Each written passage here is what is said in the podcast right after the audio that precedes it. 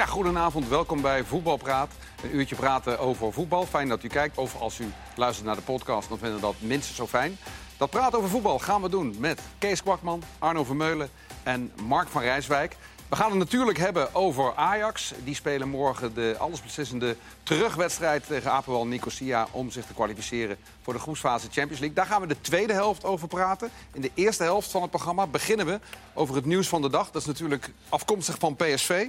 Kees, je zit dichtstbij. Ik begin bij jou. Lits Doan, bevestigd dan al. Hoe noem je? Lits Doan, heb ik van Mark van Rijswijk geleerd. zeker. Ja. Oké. Zeg jij, probeer Omdat die, pro- die, die, die Aziërs kunnen die R natuurlijk niet zeggen. Ja, het schijnt dat het Ja, zo uit, als hij het zelf zo uit Ja. Doan. Ja, eh, Ja, maar de voornaam, hoe zeg je die dan? eh, Kees? ik noem hem wel gewoon Rits. Oké. Oké, We zullen hem Doan noemen. Eh, ja, wat wil je weten? Wat ik ervan vind? Ja, dus de versterking voor PSV, laten we daar maar eens mee beginnen. Heb ik nou, je moet er lang over nadenken. Ja, nou ja, goed. We hebben natuurlijk best wel wat van hem gezien qua kwaliteiten. Waarbij je af en toe dacht van, nou, hè, die heeft bijzondere kwaliteiten. Maar ik vind hem ook een beetje ingekakt de laatste... Vorig seizoen 30 wedstrijden, 5 goals, 3 assists. Ja, maar hij heeft wel een lang seizoen gehad. Hè? Dat kwam, kwam vaak Ja. sprake, hè? dat hij vermoeid leek. Dus dat zal er misschien wel mee te maken hebben gehad. Die, vorig seizoen was die Azië Cup. Eerste seizoen zelf had hij volgens mij nog vier doelpunten. Dus nou, dat is niet goed. Maar dan kom je uit op een doelpuntje of acht. Dan, dan zit hij wel weer op zijn gemiddelde wat hij ook daarvoor, het seizoen daarvoor had. Maar na die Azië Cup heeft hij eigenlijk vrij weinig meer laten zien. Eh, maar goed, uiteindelijk zijn zijn cijfers 61 wedstrijden voor Groningen, 15 doelpunten, 6 assists. Dat vind ik vrij mager voor een speler met zijn kwaliteiten. En dat is iets wat absoluut omhoog zou moeten bij PSV. Want als je eens in de vier wedstrijden scoort en eens in de tien wedstrijden een keer een assist geeft...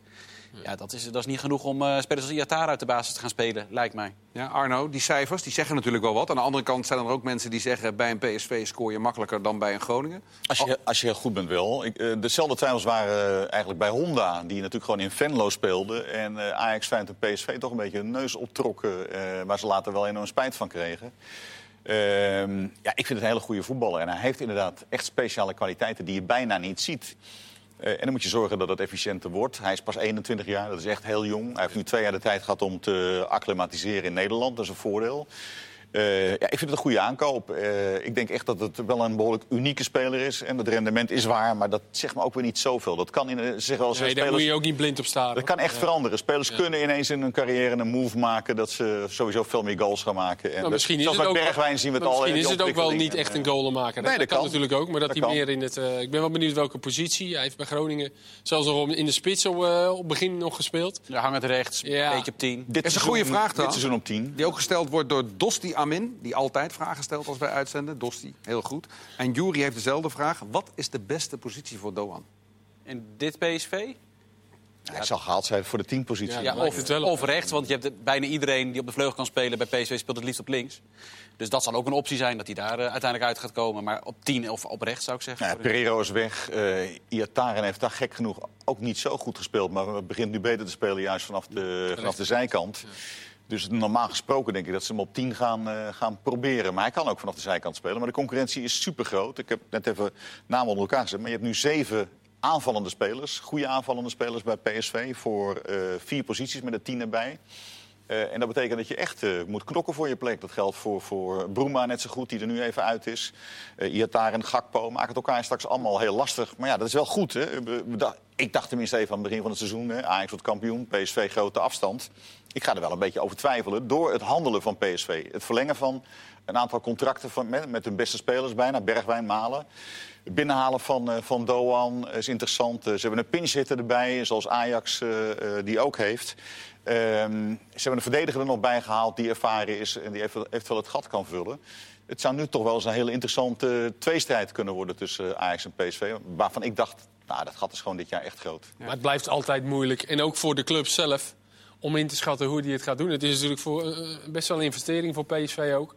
Ja, die zullen ook denken van... eh, ja, weet je, het is altijd afwachten. Zeker van de subtop naar de top. Dat is toch een Commercieel- commercieel commercieel is wel een ding natuurlijk. dat is een ja. ding, hè? Toon Gerbrands zei begin van het seizoen... We zijn, ja, vorig jaar was eigenlijk gevoelens fressen dat PSV zo populair werd op in de social media in Mexico. Hè. Ze waren geloof ik de derde club van Mexico in de social media. Toen hebben ze gezegd, dat willen we eigenlijk meer gaan doen. Wat kunnen we Zuid-Koreaanse spelers? Kunnen we, nou, Japan is natuurlijk ook zo'n land. Hoeveel procent speelt dat mee bij deze transfer, denk je? Nou ja, ja, het- hij is de eerste Japaner ooit bij PSV. En eh, op een gegeven moment kwam er een lijstje met eh, social media aandacht voor de clubs in Europa vanuit Japan. En dan stond Groningen bijvoorbeeld boven Paris Saint-Germain. Ja, dat heeft alleen maar met Doan te maken. Ze hebben nu nog eentje met eh, Itakura, die, die het ook eh, goed doet. En dat, ja, dat, dat Is, heeft enorme impact. Zeker omdat hij een belangrijke bepalende speler is in de nationale ploeg. Dan, dan leeft dat enorm. Nu gaat hij ook nog eens een keer naar een grotere club. eh, met nog meer aandacht. Ja, dat, dat, dat kan PSV heel goed gebruiken. En dat kan PSV daar dus ook eh, hele interessante sponsormogelijkheden opleveren. volgens mij heeft hij zelf een contract bij Puma voor een miljoen per jaar, geloof ik. Doan zelf. Dus Ja. dat zegt wel iets over... En- eh, Dus inkomen hoeft PSV hem niet meer te nee, betalen. die hoeven Dat is mij echt- een klein salaris. Nee, maar ik vind 7,5, dat gaat, kan uiteindelijk oplopen tot geloof ik 10 miljoen. Dat vind ik voor PSV ook een prima deal. Dat is wel het bedrag waarvan je zegt van nou dat lijkt me Wat betaalden ze voor Broema? ja, nog, aanmerkelijk meer. Dus Had de aankoop dat- ooit. 13 toch? Of- Had ik dat maar niet uitgegeven. Dat had ik lekker in mijn zak gehouden en dan vind ik dit beter besteed eh, op dit moment. Ja, wel een heel ander type. Ja, weet ik, maar eh, ik denk dat hier meer muziek Had ik niet zit. gedacht trouwens dat er maar 7,5... eh Want Nee. altijd dat, die 8 miljoen van CSK, die heeft altijd een beetje rondgezongen van... nou, voor lager laten we hem niet gaan, zei Nederland altijd. 14 werd er gefluisterd, hè? Wat was het? Eén of twee weken geleden? Ja, zou ik- de ik- vraag ik- zijn. Flederis vroeg eh, 14 en eh, Ja. ja. het verhaal gaat dat de sponsors ook wel belangen hebben... en dat die eh, wel toch wel prettig vinden om Ja. nu te cashen. Groningen zegt dat het niet zo is, dat die volledig eigendom van de club is. Maar dat eh, zal allemaal binnenkort wel wat duidelijker worden.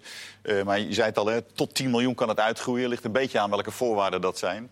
Eh, als dat 14 redelijke voorwaarden zijn, dan zou het dus nog naar 10 miljoen kunnen gaan. Ja, dat is voor Groningen wel weer veel geld. Hè. Ik 2 vind van miljoen, 14 2 miljoen gekost. 14 naar 7,5 is wel een beetje... Nee, maar ik denk dat Groningen eh, zichzelf rijk rekent naar 10. En die 14 is misschien ook wel enorm. En zou er niet ook een heel groot doop- doorverkooppercentage in zitten? Hebben Want ze. dat is, ja, dat Dat is altijd. Dat is Dat, het, dat ja. doen ze altijd. En ik denk persoonlijk dat Groningen dacht... eh hey, bij PSV zijn ze in paniek. Die zijn Lozano kwijt. Wij gaan even 14 miljoen vragen en dan komen ze wel. En toen dat zei PSV, nou 14 miljoen, dan gaan we even rustig verder kijken. We hebben nog twee weken. En toen heeft Groningen natuurlijk ook gedacht... oké, de paniek is waarschijnlijk wat minder groot in Eindhoven dan we wel Ja, dachten. Nou, PSV schermde met Jahan Baks. Ja, ja Baks, dat, dat gaat er huren. niet Dus, door. eh, ja. die niet meer weg mag omdat Locadia nu waarschijnlijk naar Hoffenheim gaat.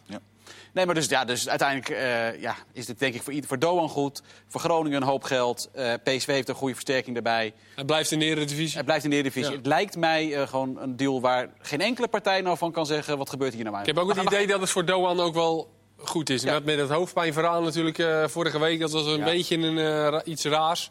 En eh, ja, wat ik net al zei, hij kakte er een beetje in. Ik denk dat het wel goed is voor hem ook dat hij nu... eh, Nieuwe prikkel. Nieuwe omgeving, nieuwe prikkel. En Het is wel grappig, want PSV was eh, met Ajax samen ook twee jaar geleden geïnteresseerd. Eh, Ajax-PSV. En toen was iedereen heel erg verrast en verbaasd dat hij naar eh, Groningen ging. Dat die, die, die hebben daar heel slim gehandeld toen.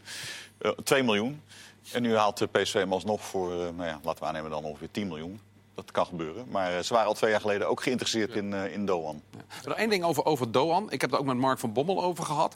Ehm, er wordt steeds gezegd, het middenveld van PSV ontbeert iemand die die snelle aanvallers kan wegsteken. Jullie praten over hem als een van die drie, eh, in, in, in een van de drie posities achter de spits. Is hij ook de middenvelder die die andere jongens kan wegsteken? Dat denk ik wel, ja. Ja. Want hij is... Ja. Dus, Zeker. Nou ja, hij, kan de, hij kan de missing link zijn. Ja, we- je ziet dat het middenveld begint een beetje te vormen. Hè. Gutierrez staat nu wel eigenlijk buiten alle verdenking. Eh, nou ja, Rosario is voor Van Bommel altijd heel belangrijk Ja. geweest. Dus dat zijn twee vaste waardes. Maar die, die hebben die creativiteit niet echt. Ook uh, Gutierrez toch niet zoveel. Ja, daar zou hij wel tussen passen. Dan heeft hij ook nog wel iets achter zich staan. Dat, dat zou zeker, ja, dat gaan, ze, dat gaan ze wel uitproberen. en ze hebben Ryan Thomas nog, hè? Die, Ja, eh, precies. Die er ook iedereen. Ja. En je moet Ja. natuurlijk Wel afwachten. ruim een jaar uit de relatie Ja, geweest. mag volgens mij ook niet in jong spelen. Dus dat, Nee, eh, misschien Ja. één wedstrijd of zo. Maar wel een goede voetballer. Ja, maar je moet nog wel afwachten. Maar die is wel iemand die het natuurlijk het spel kan verdelen Ja. daar. Maar hoe die terugkomt, Ja. even afwachten. De koop van Doan heeft ook consequenties, of misschien heeft dat wel met elkaar te maken gehad... met het feit dat Abu Ghlal vertrekt bij PSV. Vind ik toch een opmerkelijke. Een jongen van de club, opgeleid. Werd, en een jaar geleden werd hij genoemd in één adem met uh, Iataren. Nu voor 2 miljoen, na twee wedstrijden eredivisie. In totaal 11 minuten, geloof ik. Verkocht aan AZ. Ja. Hoe logisch of hoe onlogisch vinden we dit? Het eerste wat ik dacht, voor 2 miljoen kun je wel heel veel dak kopen. Maar eh, blijkbaar eh, eh, zien ze dat toch los van elkaar. Eh, en ze hebben natuurlijk wel een spaarpotje. Ehm, En een verzekering, denk ik. Ja, ik, ik, ken- ik ken hem echt niet heel goed. Ik heb hem eh, in, de jeugd niet veel gezien. Eh, maar dit zijn typisch spelers die natuurlijk wel door de clubs als AZ en anderen ook wel gezien en gescout worden. Dus aan de ene kant is AZ ervan overtuigd dat het echt een groot talent is. Anders betalen die never 2 miljoen. Dat is echt veel geld voor AZ voor hem. In de keukenkampioen-divisie, 24 wedstrijden, 9 goals, 9 assists. Ja. PSV wilde hem, eh, wilde, eh, openbreken, houden. maar dat- hij, wilde, hij wilde zijn contract niet, eh, niet openbreken. Dus dan loopt hij op een gegeven moment de deur uit. Daar hebben clubs een enorme eh, hekel aan. En dan is 2 miljoen nog wel weer, weer aardig betaald. Eh, en PSV heeft wel heel veel talent op dit moment. En ze kunnen elkaar ook bijna wel in de weg zitten. Ja, maar als ik ben wel heel nieuwsgierig. Ik denk dat hij bij AZ, AZ kennende, dat hij wel snel gaat, gaat spelen. Die moesten voorin ook wel nog wat Ja. erbij hebben, ja. Maar goed, je hebt ook Goedmoedson gezien. Dat is toch ook, dat heeft, die, wilde ook, die wilde echt heel graag weg bij PSV, ging naar AZ. Is daar nog niet zo dusdanig doorgebroken als hij zelf waarschijnlijk eh, had gewild. Ja, PSV wilde hem heel graag houden. Maar ja, eh, eh, zo'n speler maakt uiteindelijk zijn eigen keuze. eh, en ziet dus blijkbaar het meeste perspectief bij AZ. Ik ga er wel vanuit dat om perspectief gaat en niet om een ton meer of minder of zo. Dat zal om perspectief gaan. Op zich wel verrassend. Ja, ja, ik ik- vind wel, want... want Ook vanuit het oogpunt van PSV, hè? Nou, want PSV wilde hem graag houden. En het bleek dus dat hij een... Ze had ook een eh, toekomst eh, met hem gemaakt. Een, een schets van, oké, wat willen we in de toekomst? En je ziet nu toch bij PSV de ene na de andere jeugdspeler doorbreken. Dus Ja, maar het duurt hem toch te lang, denk ik. ja, want, ja, dat kan als je 17 bent. nee, maar ik bedoel, hij is 19. 19. Nee, of eh 19 En hij, hij, hij ziet bij wijze van spreken, hè, eh, Ja, maar het is als- buitenspeler. Iataren speelt daar nu, die is 17, weet je wel. Ja, Dus ik bedoel, hij is Ja, maar als je kijkt wie daar spelen, daar loopt het, het, het, het kapitaal van PSV. Daar lopen alle goede spelers. Dus dan moet zo'n jongen toch ook wel En, ja, en toch zeg ik, Toon Gerbrands, bij dat college waar hij ook vertelde over Mexicanen en Zuid-Koreanen en noem maar op, en, en het lange termijnbeleid, vertelde hij ook. Jeugdcomplex, de jeugdader. hè. Ze hebben daar nu voor 10 miljoen geïnvesteerd in dat nieuwe gebouw. Dan heb je zo'n Abu Ghlal, wat zo'n jongen is, wat een exponent is. PSV leidt niet op om spelers voor 2 miljoen AZ te verkopen. PSV leidt op om straks de concurrentie van Ajax te winnen, toch? Ja, maar dat, dat hebben ze geprobeerd. Alleen als hij niet wil. En er is een jongen. eh, vorige keer dat eh, we het hierover hadden. Toen zei ik nog. PSV zou in de categorie Malen. Die halen ze dan terug vanuit Arsenal. Misschien ook wel Engelse spelers moeten halen. Nou, er is gisteren een jongen. Noni Madueke. eh, een hele 17-jarige jongen. Engelsman. Gekomen van Spurs. Dat is zo'n speler Ja. die in die categorie valt. Die heeft gisteren gedebuteerd bij Jong PSV. En die is bij de selectie van Jong PSV gekomen door het vertrek van Abu Ghlal. Dus bij PSV hebben ze natuurlijk ook zoiets van... Natuurlijk, we hadden die heel graag behouden. Maar die Madueke is een fantastisch talent. Nou, dan schuift die dus iets verder door. Ja. Ja, PSV, de- ik snap best goed. dat PSV Ja. niet eh, tot het uiterste gaat om een één speler te houden. Want ze, ze hebben meer talenten. Precies, ja, nu al in de basis, maar ook nog in de jeugd. Er zijn nogal wat aanvallers gekomen. In die zin kun je ook begrijpen misschien dat er aanvallers zijn bij PSV... die zeggen als er geen basisspeler zijn, moet ik eens eh, rond me heen gaan kijken. Meest opvallende binnenkomer deze zomer is denk ik Mitroglou. Ehm daar is al veel over gepraat. Er wordt al cultfiguur gemaakt na, na vijf minuten. Ik denk bij mezelf, is hij wel zo goed als hij een half seizoen vorig jaar bij Marseille nauwelijks aan de bak komt... en een half seizoen bij Galatasaray heel mondjesmaat aan de Het bak? gaat erom dat het een ander type is dan ze... Ze hadden zo'n type nog niet. Dus eh, je hebt best, dat heb ik al een paar keer eerder gezegd... dat je best wel vaak staat dat PSV goed speelt. Tussen de linies een aantal keer. En dan komt hij wel aan de zijkant. En dan kapt Gakpo, Gakpo hem naar binnen. En dan denk je, ja... Ja. En nu? Vorig jaar gaf hij hem dan aan de Jong. En nu kan hij hem dus ook, als Mitroglou speelt... dan kan hij die bal voorgeven. Dus dat geeft nog meer variatie in het spel dan ze al hebben. En wat, wat eh, Arno net zegt... eh, in, in misschien wel een pinch-hitterrol dat hij erin komt. Dus ik vind het heel goed. En dat hij dan... Nou, niet eens een training zo inviel met allemaal trucjes... wat je helemaal niet van hem verwacht. Ja, dat is dan wel gelijk natuurlijk... eh, nu verwachten de mensen ook misschien wel heel veel van hem. Misschien wel onterecht. Ja, die trucjes, eh, eh, Arno, bij jullie in de studio voetbal... zei Rafael van der Vaart eh, meer geluk dan wijsheid. Ja, die was niet zo heel enthousiast. Die- is kritisch, dat mag ook wel. Ja, ik vind dat deze jongen, ik, ik- die is bijna niet in te schatten wat hij gaat doen. Kijk maar naar zijn loopbaan. En ook een paar jaar geleden, als je hem al internationaal zag voetballen... dan waren de wedstrijden bij dat je dacht, wat doet hij ertussen? En dan schoot hij er weer twee in, weet je wel. Het is gewoon een doelpunt te maken. Hè. Ondanks dat hij afgelopen jaar bijna niet gescoord heeft. Maar hij is wel een doelpunt te maken. En PSV heeft geweldige talenten, die kunnen echt beter voetballen dan hij. Hè. Malen kan beter voetballen.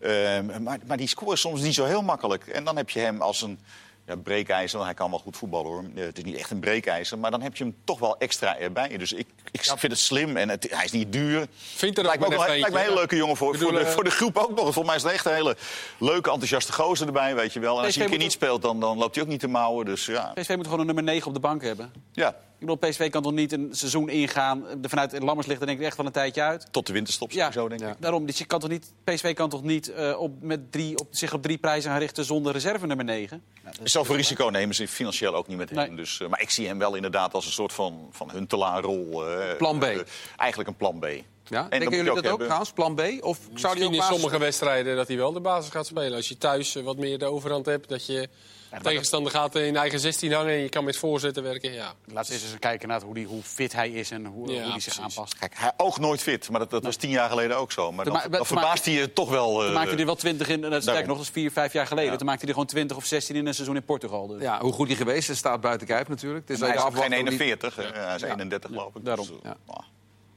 Dat zou betekenen dat in sommige wedstrijden Malen bijvoorbeeld weer eens aan de buitenkant zou eh, gaan spelen. Wat weer perspectief geeft voor bijvoorbeeld het Nederlands elftal. Het ging even over Malen eh, bij Studio Voetbal toen Ronald Koeman daar aan tafel zat. Ehm, ja, het is wel duidelijk dat hij erbij zal zitten. Hoe dicht zou hij bij een basisplaats kunnen zitten, denk je Arne? Eh, nou ja, hij gaat niet in de basis sta- starten. Dat is dan een veel lelijke zin. Maar hij gaat, hij gaat niet beginnen. Mensen starten ook niet op de bank, hoor ik ook tegenwoordig veel. Hè? Iemand start op de bank? Nee, dat kan niet. Je zit op de bank of je start. Ehm, maar als hij in de selectie zit, dan kan hij ook eh, spelen. We hebben op de flanken best wel wat eh, eh, problemen. Hè. De spitspositie, nou, dat weten we. Eh, Memphis speelt. Luc de Jong is de eerste stand-in als het opengebroken moet worden. Koeman heeft al eerder aangegeven dat hij aan de zijkant...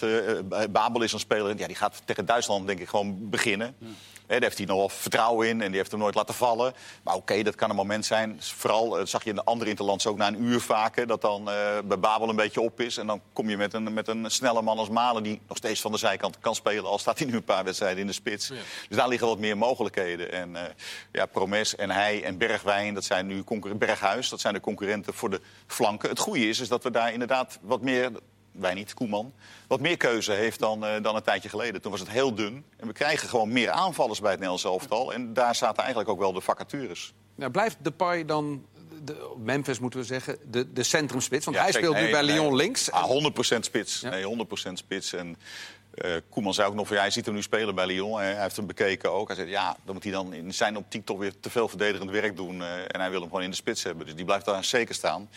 En eh, hij begint gewoon met, met Babel en, en Bergwijn en, en eh, Memphis ertussen. En dan hebben we in ieder geval nog een paar achter de hand die... eh, die... Het is wel gebleken dat Koeman heel veel vertrouwen geeft aan de, aan, aan, aan de Ja, maar er is en, en weinig terecht, want ze hebben het gewoon heel erg goed gedaan, toch?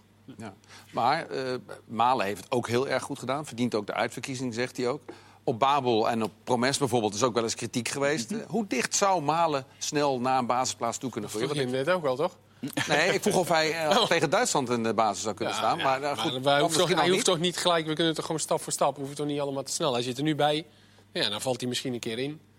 Misschien zal Koeman, wat, wat Arno net zegt, ja, welke positie, misschien wel aan de zijkant. Hij Ja. heeft heel veel snelheid. Hè? En je hebt in zelf in het verleden ook gezien... Hè? eh, jongens die goed tot hun recht kwamen in Oranje. eh Narsing, eh, Lens. Dat waren altijd spelers die, die en een goal konden maken... en vanaf de flank snelheid brachten. Ja, dat, dat kan hij prima. Ja. En, eh, ja, Je ziet hem wel echt als buitenspeler malen, hoor. dat kan. ja. Het enige nadeel is, hij, de eerste wedstrijd is tegen Duitsland, als het erom gaat. En daarna moet je eigenlijk ook wel gaan winnen. Worden tegenstanders weliswaar wat makkelijker. Vroeger had je nog wel eens drie, vier oefenpotjes om eens te kijken... eh, hoe dicht zit hij nou eigenlijk tegen dat niveau aan? Eh, dan oefen, ging je eens een keer oefenen, desnoods oefenen tegen Duitsland. Of Griekenland, Ja, of verloren Griekenland. Ja, dat, dat verlies je dat. Maar dan zie je wel, oké, hij pikt dit op, hij pikt dit niet op.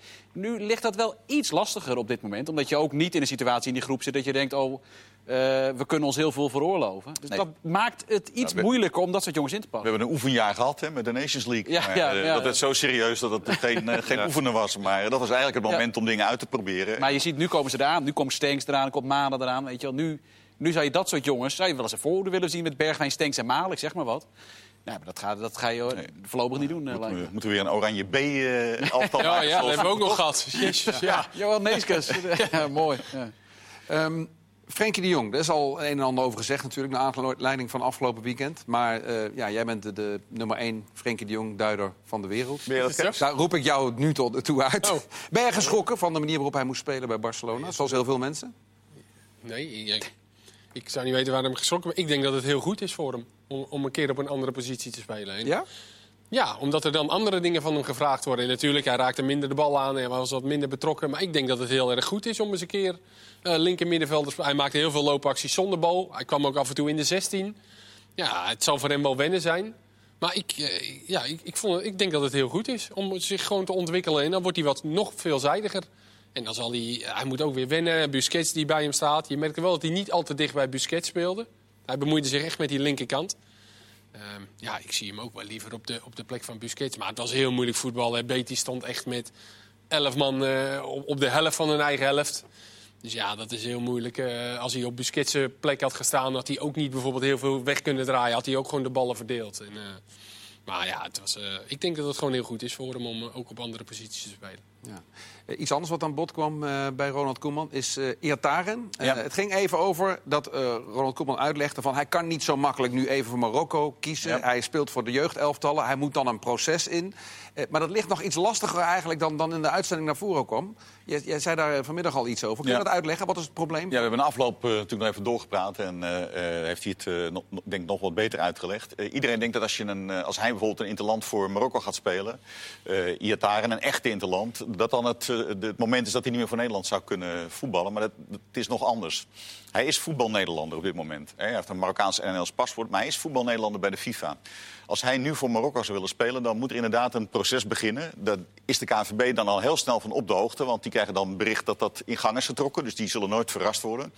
En dan kan hij uiteindelijk kan hij dan wel voetbal Marokkaan worden en dan zou hij voor eh, Marokko kunnen spelen. Ook, Alleen- ook voor een oefenwedstrijd zou voor, bijvoorbeeld voor een oefenwedstrijd. Alleen, eh, mensen denken dan dat is niet bindend, hij kan weer voor Oranje spelen. Dat kan niet. Als hij wisselt van voetbalnationaliteit, van Nederlander naar Marokkaan, kan hij niet meer terug. Kan hij geen voetbal-Nederlander meer worden, kan hij niet meer voor het Nederlands elftal spelen. Dus dat risico is voor hem ook echt wel heel groot. En hij gaat nu ook voor Jong Oranje spelen. Dus het heeft niks te maken met als hij een oefenwedstrijd zou spelen, dat hij dan nog weer terug kan. Dat is eh, uitgesloten. Als hij echt het proces, bij wijze van spreken, dat zou kunnen natuurlijk, nu aan het opstarten is, dan weet de KNVB dus. En hij gaat een oefeninterland spelen voor Marokko. Is het bij de FIFA klaar? Is het ook voor Nederland klaar? Dan gaat hij alleen maar voor het Marokkaanse elftal uitkomen. En niet voor Oranje. Dus het zit ingewikkelder. Het, het is eigenlijk ook wel, eigenlijk heel duidelijk dus. Hij zal een keer een keuze eh, gaan maken. Hij kiest nu natuurlijk veilig voor Jong Oranje. Want dat heeft geen enkele consequentie voor hem. Dan kan hij het nog even uitstellen wat hij, eh, wat hij wil. Maar het zit wel anders dan wij allemaal volgens mij over het algemeen ooit aangenomen hebben. En dat heeft te maken met die voetbalnationaliteit die hij heeft. Ehm, dat zat bijvoorbeeld bij Mazraoui. Hè, dat, eh, hoe zat dat dan? Die was eh, voetbal-Marokkaan. Die had een andere voetbalnationaliteit. Speelde, speelde in de jeugdelftallen voor de Marokkaanse vertegenwoordigende teams. Ja. Dus met andere woorden, ja, want ja, ik behoor ook dat de Marokkaanse bond zijn hele familie heeft uitgenodigd. Hè? Ronald Koeman die had het ook al over douceurtjes die eventueel Ja. door de bond. Maar ze hebben ook Eigen- 39 eigenlijk kunnen ze daar nu niks mee. Nog drie seconden, we gaan zo de tweede helft verder.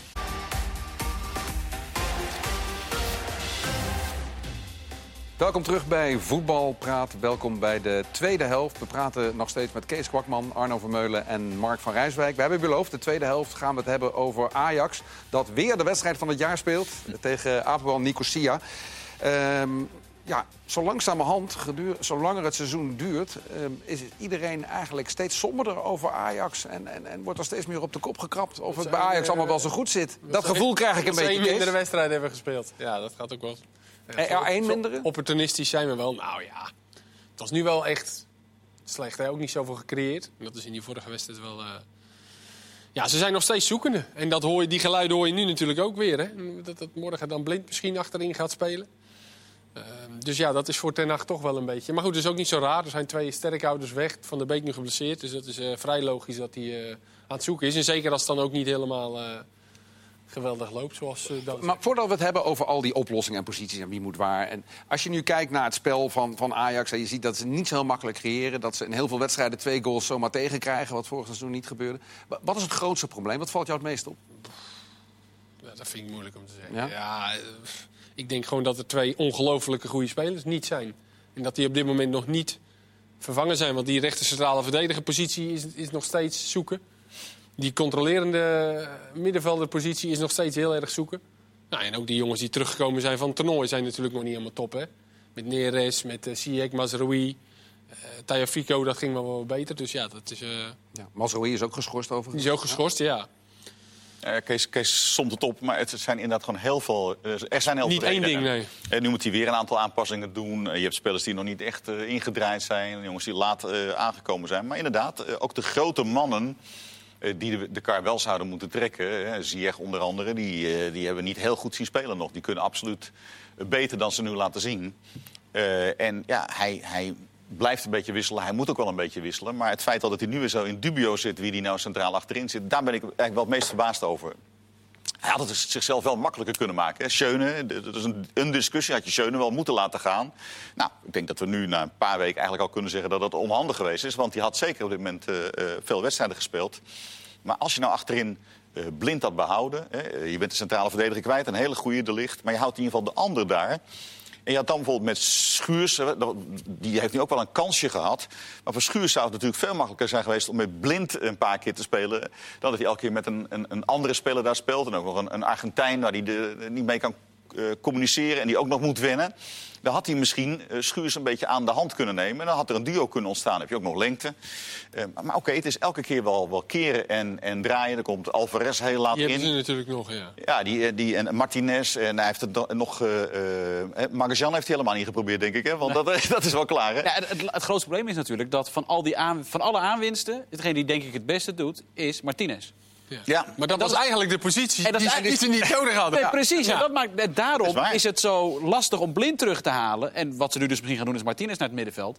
Maar eigenlijk los je daarmee een probleem op dat er bijna niet is. Want de linker centrale verdediger is het probleem niet. Maar we hebben ges- gespeurd, hè? want dat verhaal gaat nu dat Martinez morgen eh, op het middenveld gaat spelen. Kees had nog even gekeken, ik had al wat, eh, wat geïnformeerd. Wij kunnen helemaal geen wedstrijden vinden bijna waar hij op het middenveld heeft gespeeld. Ehm, eh, Alvarez wel, hè? De, de Mexicaan weten we van dat hij daar kan voetballen. Dat werd Die ook eigenlijk nog niet echt Bijna heeft niet gespeeld, nee. Is dan het onverantwoord om hem zomaar niet te brengen? Ja, niet, niet handig in zo'n cruciale wedstrijd. Meest het handig om, een, om een, een Argentijnse jongen... die net een paar keer nu centraal achterin gespeeld heeft... en, en daar nog moet wennen... om die nu weer ineens op het middenveld te gaan zetten... terwijl het middenveld ook nog helemaal niet staat. Dus ik zou Blind nu wel... Hè, ik, bedoel, ik vind het wel een optie om achterin te brengen... maar nu in deze wedstrijd juist niet... omdat je op het middenveld al wat op te vullen hebt. Dan kan je hem eh, laten staan. En met Marine heb je in ieder geval twee mannen... die daar dan al dit seizoen regelmatig gespeeld hebben. En dan moet je er één bij bedenken. En toen dacht ik ook van... het is toch totaal in de Ajax-stijl... om daar zo heel moeilijk over te doen. Van de Beek eh, is er niet... Dan pak je eh, toch Dani de Wit of dan pak je toch Noah Lang. Gewoon twee jongens die die positie eh, veel... eh, hè, en, en Dani de Wit is 21, hè. Die die positie veel ingevuld heeft. eh, Promes is die- ook weer fit, hè? Is dat niet dat- nog logischer? Ja, nou ja, ik vind het dus niet zo logisch. Omdat, Want? Nou, A, hebben we hem nog niet heel goed aan het werk gezien. Eh, hij heeft toch, toch al wat speelminuten gehad, dat viel niet op. Natuurlijk kan hij op 10 spelen, maar het is wel de vraag of het zijn beste plek is. Dat heeft hij ook nog niet heel veel kunnen laten zien. In ieder geval niet bij Ajax en in elftal. Wat langer geleden, ja. Ik zou hem morgen nou juist, hij is net fit, eh, als stand-inhouder voor een van je drie vaste aanvallers die er dan eh, kunnen gaan spelen. En dan kan je hem even wel inbrengen, maar om hem nou weer daar te zetten. Ja, ik, Maar ja, dan heb je nog gewoon uh, Ziyech, Neres en Tadic in principe. Prima, toch? Mocht je met Huntelaar beginnen, ja. Nou ja, of, Hij kan natuurlijk ook Tadic op 10 zetten als een soort van aanspeelpunt. Kijk, Ajax gaat natuurlijk morgen heel erg op de helft van de tegenstander spelen. Van der Beek staat ook heel vaak heel diep. Als Tadic daar speelt, kan hij ook als een soort aanspeelpunt eh, fungeren. En dan Huntelaar daar nog zeg maar, echt loerend op de ballen. Dus ik, ik zou me niet verbazen als hij dat eventueel zou Maar, maar je zegt net hè, over het grootste probleem. Hè. Is dan niet het grootste probleem dat ze eh, het elftal weinig compact houden tot nu toe? Dat je steeds ziet dat het zo uit elkaar getrokken wordt... of dat ze zich uit elkaar laten Ja, trekken... de waardoor die ruimtes voor zoals we dat tegenstanders dan, zo eh, ongelooflijk Ja. groot zijn. Dat, is juist de kracht. Dat, dat, dat vind ik wel een hele goeie. Dat is iets wat je inderdaad heel vaak ziet bij Ajax. En daar komen nog veel gevaarlijke momenten. En dan, ja, dan denk ik bij mezelf... en Lisandro Martinez kan individueel in zijn duels het heel goed doen. Maar er is ook nog zoiets als een organisatie en aansluiten als je, als je aanvalt. ja. Is, dat, is dat het grootste probleem? Nou, onder andere. Niet, niet alleen. Maar eh, ja, Frenk, ook Frenkie de Jong was daar heel erg belangrijk in. Hè? Met het druk zetten, met gelijk weer... eh, Op een gegeven moment werd hij zelfs zonder bal beter dan met bal. eh, met al die Ja, ja, tackles en ja. die verovering. Ja, dat was echt zo. Ja, het, het is dus, gewoon zo, je mist je twee beste spelers van vorig jaar. De andere uitblinkers als Tadic en Ziyech hebben een vorm niet. En nog hoor je fluitend van die ploeg te winnen. Want we hebben het wel gezien. En Ajax, ja. Ajax was echt ver, ver, ver onder de maat. En ze spelen nog 0-0 daar. Want die, die Cyprioten die waren niet zo heel goed.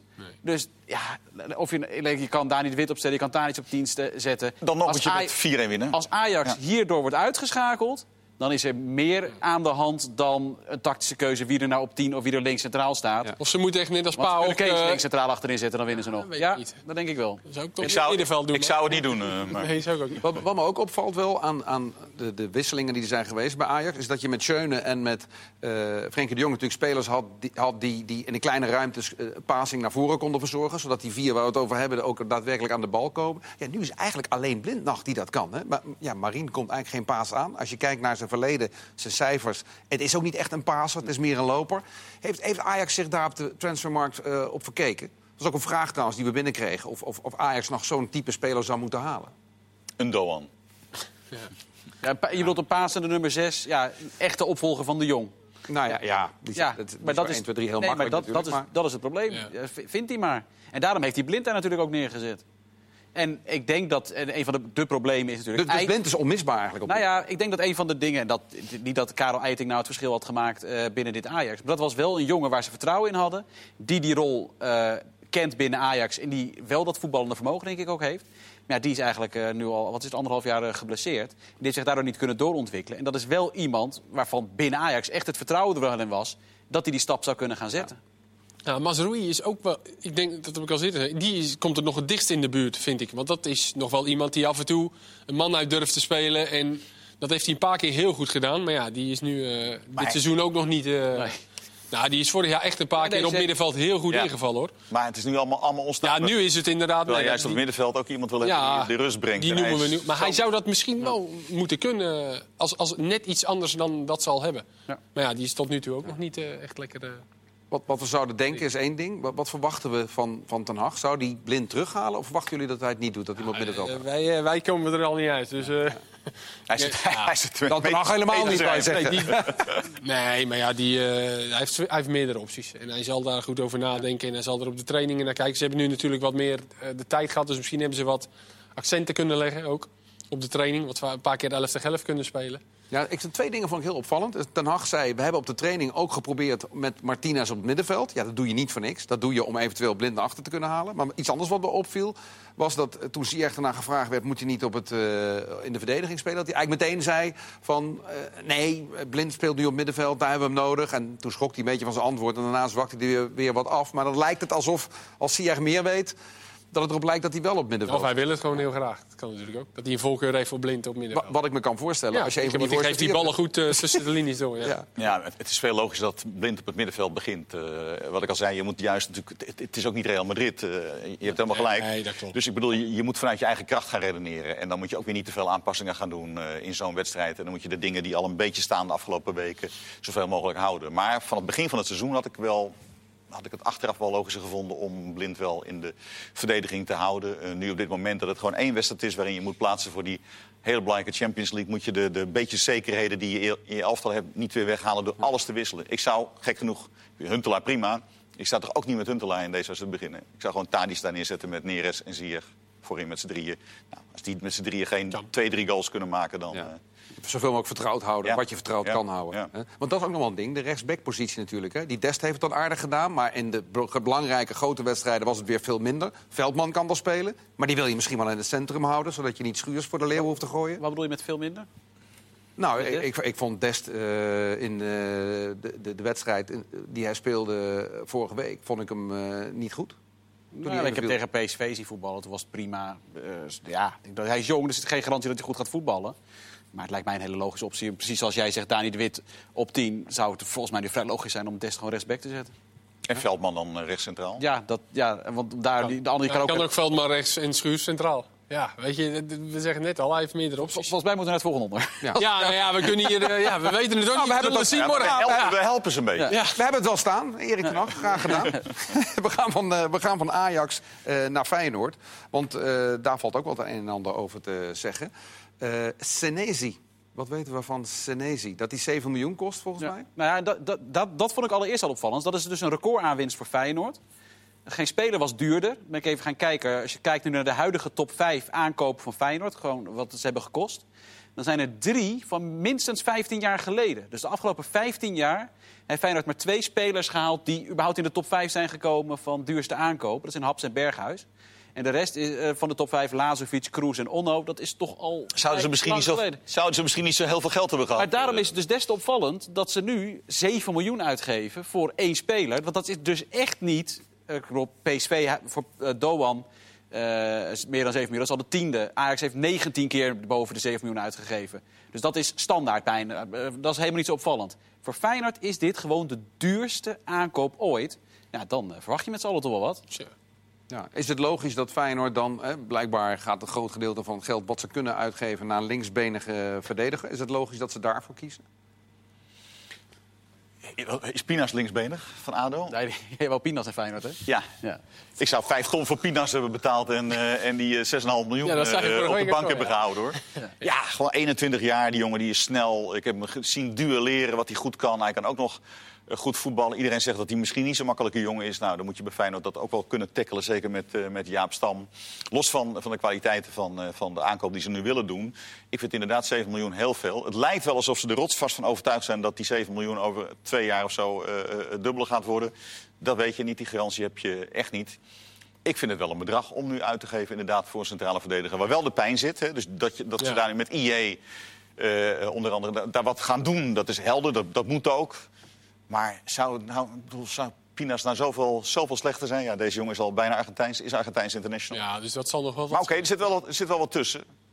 Kijk nou ook eens goed om je heen. Ze hebben al zo vaak Maar niet goed om ook zich heen wel gewoon iemand voor die er waarschijnlijk nu staat. Hè? Met, Ja, maar ja. ja, omdat Pinas, dat, die heeft eh 15 wedstrijden bij ADO Ja, gespeeld of ja, 20. nou ja, soms moet je het ook zien. Maar ze hebben Ja. toch ook een huurspeler. Hè? Je noemt IE, oh, IE, IE, ik weet niet hoe je het IE, moet zeggen. ja. Maar ja, eh, dan heb je al voor de korte termijn een oplossing. Hè? Wat wel een probleem is dat Feyenoord natuurlijk allemaal spelers haalt... waar geen enkele waarde mee Ja, maar misschien gaat Van der Heijden nog weg, want die gaat nu ook niet mee. Je hebt Nou ja. eh, Van Beek die heel vaak geblesseerd is. Dus ja, het is niet dat ze daar nou overlopen van, eh, van de spelers. Nee, de- de- dat, dat ze iemand halen is logisch. Dat die Senesi goed kan voetballen, dat is duidelijk. Het is alleen heel opvallend dat eh, twee van je drie duurste aankopen... alle tijden nu een linksback en een linker centrale verdediger zijn... met Haps en eh eh. Ja, ja, ze dat- vinden, achteraf ja. vinden ze dat ze ook te veel geld natuurlijk voor Haps eh, Ja. eh, betaald hebben. Daar daar schrikken ze nog steeds van als ze naar de prijskaartje kijken. Eh, het is wel goed werk van Henk Timmer natuurlijk... eh, die, eh, die dit voor elkaar gaat krijgen. eh, Een transfer van eh 7 miljoen. Voor Henk zelf ook, denk ik. Dat denk ik ook, ja. Gok ik. Hoewel, Ik zou liever een Argentijnse spits gehad hebben voor 7 miljoen... die er 25 inschiet. eh. Ja. Je, je noemt Haps, dat is wel een interessant verhaal. Hij komt naar Feyenoord, begint heel goed. Heel Rotterdam staat eh, te juichen. Vervolgens raakt hij geblesseerd, speelt een tijdje wat minder. Was het de miskoop van de eeuw. En nu heeft hij dit seizoen weer een paar goede wedstrijden gespeeld. En nu kregen we al een vraag van... eh, Haps in oranje. Haps en Oranje, ja. Hoe lang duurt het nog voordat Haps en Oranje komt? Als het hij- is natuurlijk wel linksbackpositie, ja. Ja, ik ben wel fan van hem. Als hij fit is, is, Ja. hij, is hij gewoon goed. Vind ik ook, ja. Alleen dat is het probleem geweest. Eh, Volgens mij is het niet zozeer het probleem geweest dat hij minder heeft gespeeld... maar met name dat hij gewoon heel vaak geblesseerd is geweest. En, ik- hij is van Feyenoord en hij steekt in de linksback volgens mij. Zijn energie, dat is echt niet normaal. Naar voren voornamelijk. Echt een feest om naar die jongen te kijken. En ik kan ook heel goed begrijpen dat het publiek daar gek van hem is. En de huidige linksback van Oranje speelt overal bij zijn club. Behalve op de linksbackpositie. Ja, van Arnold hebben we nu al Van Ja. heb je natuurlijk wel eens. Wat een beetje dezelfde soort is. Ja. Dus, dus, nee, dus als daar- daar, ja. daar, ligt wel, daar ligt wel ruimte, in ieder geval. Wie ook niet meegaat naar Israël, en dat vind ik wel heel, heel opvallend, is eh Ayoub. Eh, met veel tamtam bij eh, Feyenoord binnengehaald. Zo- zoals eigenlijk eh, ook gebeurde eh, met, met Amrabat bijvoorbeeld. Soufiane Amrabat. Eh, niet- toch nog niet gemaakt. Begin van deze voorbereiding zei hij... Jaap Stam, dat is een tweede ten Hag. Ik ga nu onvoorwaardelijk voor die basisplaats.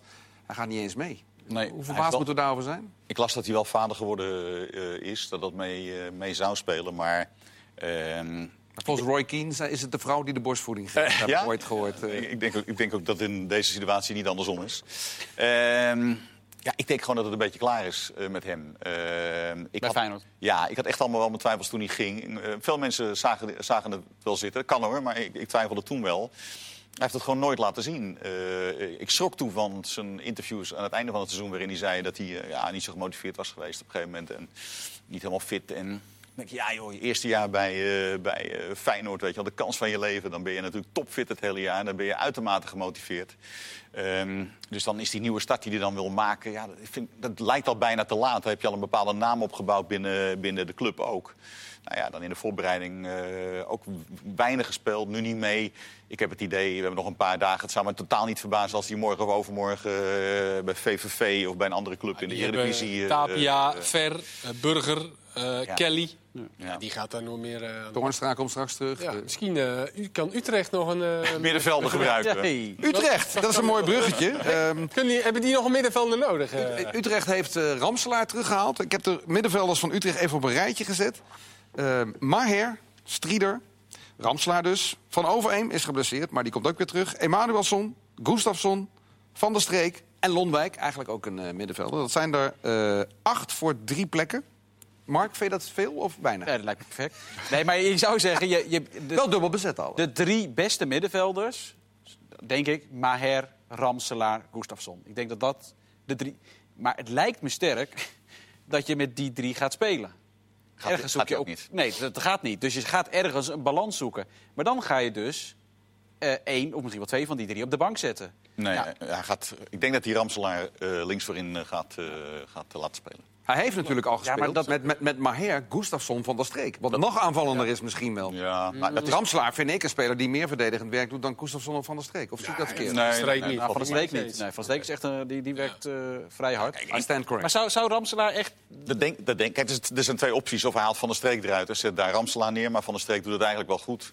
Eh, die linker positie heeft hij eigenlijk veel kandidaten. Maar die presteren allemaal niet heel goed. Hè. Czerny eh, zie je al natuurlijk dat het niet heel lekker gaat. Eh, Joosten kan er spelen. Venema zien we al bijna helemaal niet meer. Ehm, het is ook niet heel gek als Van der Brom, eh, die, die houdt er ook wel van. Daar zeg maar, eh, een, va- een valse eh, buitenspeler kan, neerzetten. En dan met rechts met Kerk en Dalmau in de spits. En dan kan hij van de streek houden. Gustafsson en Maher staan helemaal niet ter discussie. En die anderen die moeten wachten op een, op een blessure. Of die worden ook straks verhuurd. Of Ja, gaan in de winterstop weg. Van Overheem gaat natuurlijk in de winterstop ook... Ja, over nu nog. Hij is of nu nog geblesseerd. Hij is nu maar- geblesseerd, dus dat heeft niet zoveel zin. Nou, dat is ook wel een aardige. Welke spelers zouden nou interessant materiaal zijn voor andere eredivisieploegen? Het, eh, FC Twente bijvoorbeeld speelt met een jeugdspeler eh, met de punten achter. die Wacht op Brama, die vindt. Maar die hebben... Busquets nu? Oriol Busquets. Oriol Busquets. Oriol Busquets. Eh, bijna niemand weet iets van Oriol Busquets, behalve Kees Kwakman. Kees? Nou ja. Is, we hebben ook een kijkersvraag gekregen. Ehm, Hoe goed is hij? Van de spits is hij net zo goed is als eh de spits van Twente. Eh, nee, spits ik- van ik- Twente. Ik, ben, eh, even kijken. Voetskinic of zoiets? Ja, Voetskinietje. De spits van Twente dat een, dat het is een Twitter. Twitter-naam, anders had ik het wel onthouden. Maar die, die vroeg inderdaad of het een verrijking is. Nou, allereerst voor de eredivisie. Dat is al meteen de lat heel hoog. Maar in ieder geval voor Twente. Nou ja, als we Ted van Leeuwen moeten geloven, was het weer een helskawei. Maar dat zegt hij bij elke transfer. En een, en een wonder, hè? dat ja, voor wonder dat hij... eh, maar eerlijk is eerlijk, is toch een jongen van Barcelona B, vaste waarde. En eh, ja, zoals zijn achternaam doet vermoeden, is het echt een controlerende middenvelder. En ik heb net even wat beelden van hem bekeken. Veel in Barcelona B gespeeld, een paar keer in de beker twee keer ingevallen. eh, een keertje op de bank vorig jaar. Ja, en, eh, maar het is een, een echte controleur. Een paser, niet echt iemand die heel erg opvalt meteen. Hij speelde bij Barça B vaak met die Puig. Puig, Puig, Ricky Puig, ja. Dan zag je wel vaak dat hij de bal aan hem gaf. Die dan het, eh, Als ze die hadden kunnen halen, dan... eh, ja, nou ja, die dan het spel ging verdelen. Maar echt, Dat is de eh, jongen die net ingevallen is op zijn... Ja, eh, ja, dat kleintje, ja. ja. Dus ja, echt een controleur. Die, eh, ja, Brahma is wel weer in training, maar ze ook, eh, waarschijnlijk hebben ze op die positie... waarom mag hij weg, denk je? Ja, hij, als- hij- maar hij gaat natuurlijk weg door de komst van Frenkie de Jong. Het Ja, wel, maar als, als ik... Ja, bedoel, het is de- heel moeilijk oordelen, maar ik heb net wel eventjes wat bekeken. Dan denk ik niet dat ik in eerste instantie denk van... hé, hey, die gaat Barça 1 halen. Dus, en dat, en dat, dat is ook geen schande of zo. Maar ja, dus, eh, het is wel leuk ook weer voor de Eredivisie... dat zo'n Ja, jongen zeker. dan naar Twente gaat. Dat moet je Ted van Leeuwen natuurlijk wel nageven. Spaanse coach, drie andere Ja. Spaanse spelers. Krijgt hij wel Dat is voor elkaar. Ja, prettig. Ja, daar gaat er wel eentje uit. gaat er wel een Spanjaard uit, toch? Waarschijnlijk. Roemerato, denk ik. Roemerato. Dat is een Nederlander, hè? Oh. Een Zeeuw. Een Zeeuw. Ja, maar die andere hebben ze toch? Hoe heet die? De Selaai hebben ze. Selahi, Ja, dat is ja. ja, nee. eh, Aburg- Albanese ja, Belg. Dat is een Georg. Jongen, Espinoza, ja, maar die gaat er niet uit. Die gaat Die gaat er niet uit. Ik denk dat er geen Spanjaard uitgaat. Dat- We hebben, het, we hebben het over de nieuwelingen die eh, de middenvelden, eh, middenvelden in de Eredivisie zijn komen versterken. Er zijn ook een paar spelers die al een tijdje in Nederland spelen. Je had het daarover voor de uitzending. Pek Sparta. Je hebt twee hele Ja. leuke middenvelders gezien. Nou, Clement allereerst, die vind ik steeds dominanter worden ook eh, met zijn assist. Hij had een prachtige assist natuurlijk afgelopen weekend. Dat is wel nog iets wat ontbrak in zijn spel en wat er nu bij lijkt te komen. Maar Sparta, die as, die lijkt precies te kloppen. eh, met eh, de driehoek Awassar, Vriends, Matthij. Die weten precies wat ze wel kunnen, wat ze niet kunnen. Ervaring, doen geen gekke dingen. En daarvoor heb je Smeets. Ja, dat is echt een bijzonder verhaal. Die zat gewoon anderhalf jaar geleden op de bank bij Cambuur. Contract werd ontbonden in januari. Er werd van gezegd, nou sorry, we kunnen, we kunnen helemaal niks met je, vertrek maar. Jaartje bij Top Os gespeeld. 12 doelpunten gemaakt, hartstikke goed. En hij is nu de speler met de meeste assists in de eredivisie. Niemand heeft er meer gegeven dan hij in de eerste speelronde. En hij is, ja, hij is bepalend. Meest kans ook? Ja, Precies, hij, hij bepaalt alles. Zijn assists waren ook eens een keer mooi, echt perfecte balletjes. Eh, waar Veldwijk wat mee kon, waar die, die Agger die bal uit inkopte. En dat is gewoon iemand die dus bij Cambuur in de eerste divisie... er gewoon totaal niet aankwam, waar ze niet in hem zien zitten. En anderhalf jaar later, een van de, de verrassingen vind ik wel... bij een van de verrassingen ook van de speelrondes. Gisteren werd hier geroepen Willem II, de verrassing tot nu toe in de eredivisie. Ik ben, als ik kijk naar het voetballend vermogen... nog het meest verrast door Sparta.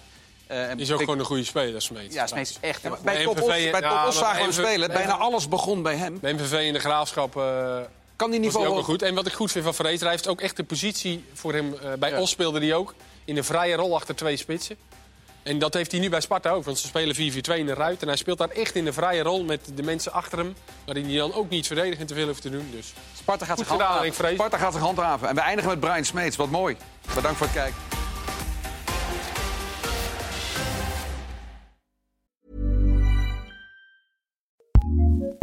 ACAST powers some of the world's best podcasts.